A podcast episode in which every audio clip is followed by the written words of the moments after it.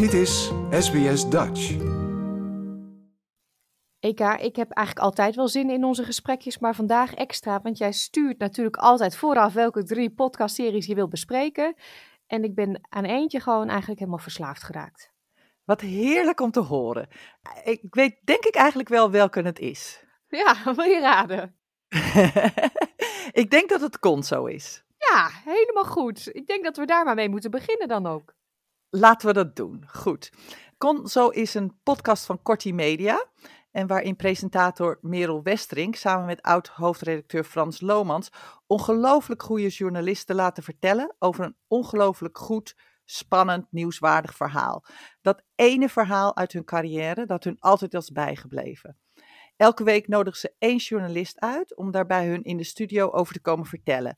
En zo creëren ze hun eigen journalistieke Hall of Fame.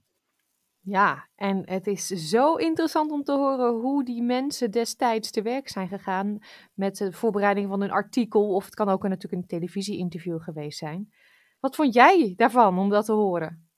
Ja, ik kan nog steeds mijn vinger er niet zo goed op leggen waarom ik het zo fantastisch vind. Aan de ene kant denk ik, ben ik misschien een beetje bevooroordeeld, want ik heb twaalf jaar met journalisten gewerkt. Dus ik voel me ontzettend thuis bij dit, uh, bij dit onderwerp. Maar ik zat er, ik heb ze dus nog een keer teruggeluisterd voor de, de uitzending. En ik denk gewoon dat journalisten gewoon ontzettend goede verhalenvertellers zijn. En dat het daarom zo aanspreekt. Ja, ik ben zelf altijd wel heel verbaasd over hoe goed ze details nog weten. Maar ja, ze schrijven natuurlijk ook alles op, dus ze kunnen veel dingen teruglezen. Ja, ja, zeker, absoluut. En het, dit zijn natuurlijk ook de verhalen uit hun carrière die ze het meest zijn bijgebleven. Er zullen ook vast dingen zijn die ze gemaakt hebben waarvan ze echt nauwelijks meer iets weten. Ja, misschien moeten we er een paar voorbeelden noemen, zodat mensen een idee krijgen waar het dan uh, over gaat zoal. Ja, nou er zijn nu uh, eh, 16 afleveringen, maar er komt elke week, uh, donderdag komt er een nieuwe aflevering bij. Dus uh, klik op het plusje in je podcast app, dan krijg je elke week krijg je hem te horen. En um, de afleveringen zijn ongeveer rond de 50 minuten. En er komen namen voorbij zoals Jan Muis en Hiske Versprillen, Bas Haan en Joep Dome. En wat ik vind dat heel erg goed werkt in deze podcast, is dat er een enorme vaste omleiding is. Uh, iedere keer worden dezelfde vragen gesteld. Eerst uh, vertelt Merel een korte cv en dan komt er de vraag: waarom ben jij eigenlijk journalist geworden? Dan vertellen ze daar wat over en dan zegt ze altijd van, uh, ja, we nodigden je uit voor de, dit gesprek. En dacht je meteen aan dit verhaal? Dan vertellen ze weer wat en dan uh, zeggen ze: Oké, laten we beginnen bij het begin. Hoe kwam dit verhaal tot stand? En dit geeft een ontzettend mooi kader voor de verhalen. En ik vind het ook heel erg fijn dat het geen interview is, maar Merel en Frans onderbreken heel erg weinig en ze geven de journalist gewoon de ruimte om het verhaal te laten ontvouwen. Het gaat ook heel erg om het verhaal achter het verhaal, want het verhaal is natuurlijk al gepubliceerd. Maar dit gaat meer om van wat was het avontuur naar het verhaal toe en hoe gaat het proces en uh, wat heeft het losgemaakt en wat was de impact. En vaak zijn die verhalen nog wel spannender dan het verhaal zelf. Ja, denk aan iemand die Freddy Heineken heeft geïnterviewd, eh, terwijl hij nooit interviews wilde geven. Dat was een hele speciale aflevering, vond ik, om te horen hoe die omgang met meneer Heineken was. ja, um, en ook je hoort in deze verhalen heel vaak dat dingen toch heel vaak door toeval tot stand komen. Of de mooiste verhalen vaak door toeval tot stand komen. Wat je gewoon eigenlijk niet kunt plannen. Mm -hmm. nou, heb jij een favoriet? Ja, een prachtige aflevering vond ik aflevering 12. Dat is het verhaal van Tom Kellerhuis over zijn interview met Joost Zwageman. Wat hij deed vijf dagen voor zijn dood. Dat is echt uh, ontzettend ontroerend. En dan nummer twee is enorm grappig over de Amsterdamse biefstukkoning die stiekem paard serveert. Dat is echt zo leuk om naar te luisteren. Maar tot nu toe het mooiste verhaal vond ik uh, nummer 8, waarin John Schorrel vertelt over die ene dag in zijn carrière die hij nooit zal vergeten. Uh, John gaat die dag op stap met zijn journalistieke held Kay Thalys. En dat is een 84-jarige journalist uit New York die nog altijd speurt naar mooie verhalen. En uh, misschien kunnen we een klein stukje laten horen uit deze aflevering. Dan zal ik even een kleine aanloop eraan geven. John is een grote bewonderaar van Thalys en wil hem al heel lang graag interviewen. Maar hij moet een goede reden hebben om dat te doen. Dus hij bedenkt, ik ga een boek over hem schrijven. En uh, dan gaat hij in contact met Thalys en Thalys zegt van ja, dat vind ik goed, kom maar naar New York. En uh, John weet eigenlijk niet zo goed wat hij met hem moet doen. En dan nodigt hij hem uit om uh, naar een wedstrijd van de New York Yankees te gaan. En daar wilde ik een klein stokje van laten horen. We gaan terug naar het Yankee Stadium. Want ja. uh, de openingsscène van je verhaal is dat uiteindelijk geworden. Ja. Is Gator Lees die aan de bar staat in het Yankee Stadium en een cocktail bestelt. Ja, een Jim Martini. Want hij moet elke dag drinkt hij twee Jim Martinis voor het eten. Dat doet hij al, nou ja, al 50 jaar. Dus dat moest nu ook gebeuren. En, dat, en die Martini die moet dan eigenlijk ook um, volgens een bepaald procedé uh, worden klaargemaakt. En het um, uh, inclusief het citroentje maar dan zonder vruchtvlees. Ja, want dat, begreep, dat begreep de barjuffrouw de in juffrouw, die helemaal niet, nee. hè? En, en je zegt, kijk, uh, en hij was op dat moment, dat weet ik gewoon 100% zeker, zich bewust van het feit dat ik naast hem stond en ik naar hem keek. Dus hij wist, oké, okay, die jongen die is uit, uh, overgekomen uit Nederland voor een verhaal over mij. Die jongen die heeft ook scènes nodig. Want we hebben allemaal scènes nodig. Dit is dat, uh, uh, en dit is een goede scène. En waarom is dit nou zo'n goede scène? Omdat in het, um, in het verhaal Frank Sinatra is cult, dat begint met de bar scène. Dus hij denkt, ik, ik parafraseer als het ware mijn eigen oeuvre op zo'n manier. Ja, je zei het net al. Uh, dit is dus zo'n voorbeeld van iemand die heel goed verhalen kan vertellen. Ja, absoluut. En ook een andere journalist wordt dan geïnterviewd. En die weet ook precies wat je moet doen om een goed verhaal te creëren. Ja, ja. Persoonlijk, ik, ik was echt heel blij met deze tip van jou. En voor mij is dit ook uh, de podcast waar ik het meeste naar uitkijk uh, in de week. Dat die weer nieuw in mijn podcastfeed staat. Grappig hè? Um, laten we met de tweede gaan. Uh, we gaan in hogere sferen met deze. Ja, deze podcast heet De Kosmos van Pannenkoek. En hij is gemaakt ter ere van het 100-jarig bestaan van de Anton Pannenkoek Instituut van de Universiteit van Amsterdam. En Edda Heinsma en Chaukan Tai, die maakten deze podcast. Ik had nog nooit gehoord van de naam Anton Pannenkoek, maar het blijkt dat hij was een filosoof, een socialist en vooral een vooraanstaand sterrenkundige. Hij leefde aan het eind van de 19e en begin van de 20e eeuw. En hij was een man die er alles voor over had om de sterrenhemel in kaart te brengen. En op die manier stond hij eigenlijk aan de wieg van de moderne astronomie. Honderd uh, jaar geleden was er nog geen idee van de grootte van het universum of wat de zon nou precies was. En van zwarte gaten had helemaal nog niemand gehoord. En in deze vijfdelige podcastserie gaan Edda en uh, Chao Kan op zoek naar het verhaal van Pannenkoek en ontdekken ze de kosmos door zijn ogen. De afleveringen duren ongeveer rond een half uur. En we horen ook hedendaagse onderzoekers voorbij komen. Die spreken over het belang van wat Pannenkoek zoveel jaar geleden ontdekte. Ja, het is een heel uh, interessant onderwerp. Ja, en wat ik leuk vind is dat weet je, je kan denken van nou, het is een beetje moeilijk, maar deze podcast heeft een hele lage instapdrempel.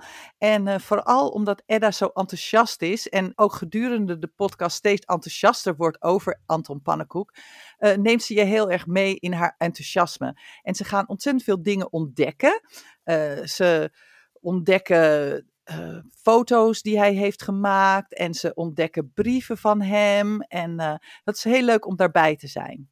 Mm-hmm. Zij heeft zelf ook een achtergrond hè, in sterrenkunde. Zij heeft zelf die opleiding gedaan en zo kwam ze die naam tegen. Ja, ja, zeker. En zo kwam ze die naam tegen en zo raakte ze ook daarin geïnteresseerd.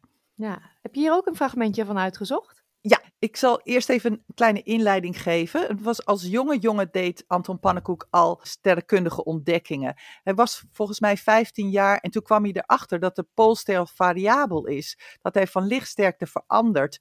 En niemand geloofde dat, maar pas veel later uh, kon dat bewezen worden dat dat ook zo is. En hij was zo enorm bevlogen dat hij met potlood en papier heel nauwgezet de melkweg in kaart bracht. En daarvoor ook de hele wereld over reisde. En hij ging zelfs met een enorme entourage op Eclipse-expeditie naar het toenmalige Nederlands-Indië om inzicht te krijgen in de raadselen van de zon. En uh, dat wordt in die podcast wordt dat helemaal verteld, hoe dat voorbereid wordt en wat ze allemaal moeten doen. En natuurlijk een hele reis naar Nederlands-Indië. En het fragment wat ik wil laten horen is dan als ze daar zijn en als dan de eclipse gaat beginnen. Alle procedures zijn honderd keer doorlopen.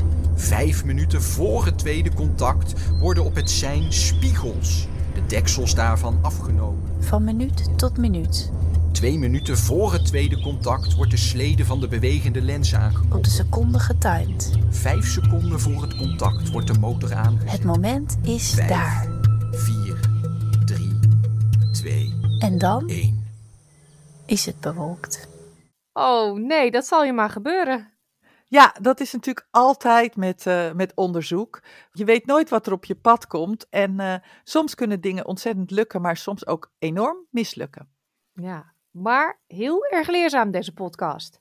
Ja, en wat ik heel leuk vind aan deze podcast, is dat die pannenkoek een enorm bijzonder persoon is. Want naast dat, dat hij een enorm getalenteerd sterrenkundige is, is hij ook filosoof en communist. En uh, dat bracht hem soms in uh, moeilijke posities, want het was nou niet een uh, geliefde ideologie in het Nederland van de begin 20e eeuw. Dus je leert in deze podcast heel veel uh, en het leuke is, het wordt op zo'n manier gebracht dat je leert heel veel terwijl je het niet doorhebt dat je aan het leren bent. Het is een spannend verhaal, het wordt heel begeesterd verteld en die pannenkoek zelf is ook enorm begeesterd. En het is niet schools. En ik vond vooral de dagboekfragmenten vond ik prachtig om te horen. En dat wordt dus voorgelezen door een acteur.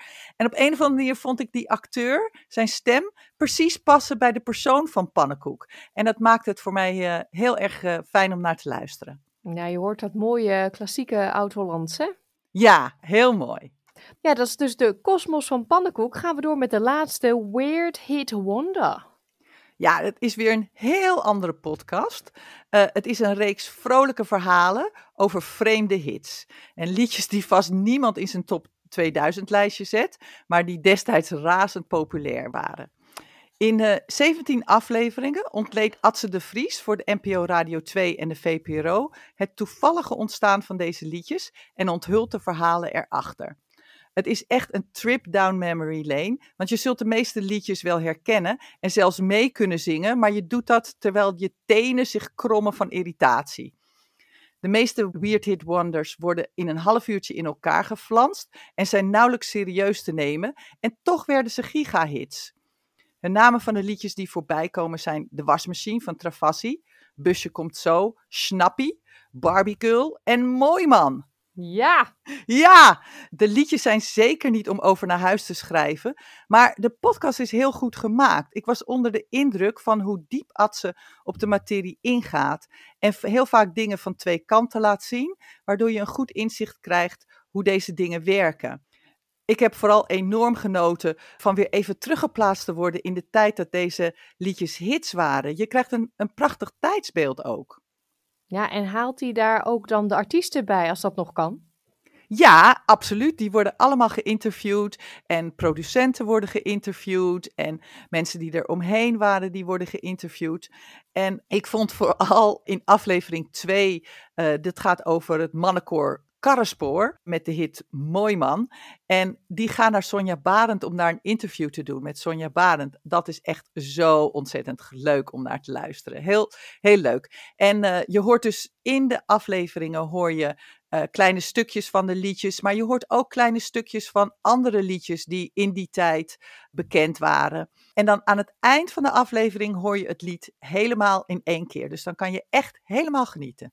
De leukste aflevering vond ik nummer drie over One Day Fly, waarin de cabaretiers van het televisieprogramma Kopspijkers een hit willen maken om te voorkomen dat een lied van Starmaker op nummer 1 komt. En uh, het is echt een hele grappige aflevering. En het liedje is ook zo ontzettend aanstekelijk dat het nog steeds als ik met de hond ga wandelen in mijn hoofd zit. One fly, wanna be a one one day fly. Ja, het loopt als een trein, jongen. Ja, ja, ja. ja. Eh, zal ik even zeggen wat we al, allemaal hebben? Nou, we hebben dan al een gesprek gehad met de platenmaatschappij. Uh, 17, even kijken, dinsdag 17 april fotosessie.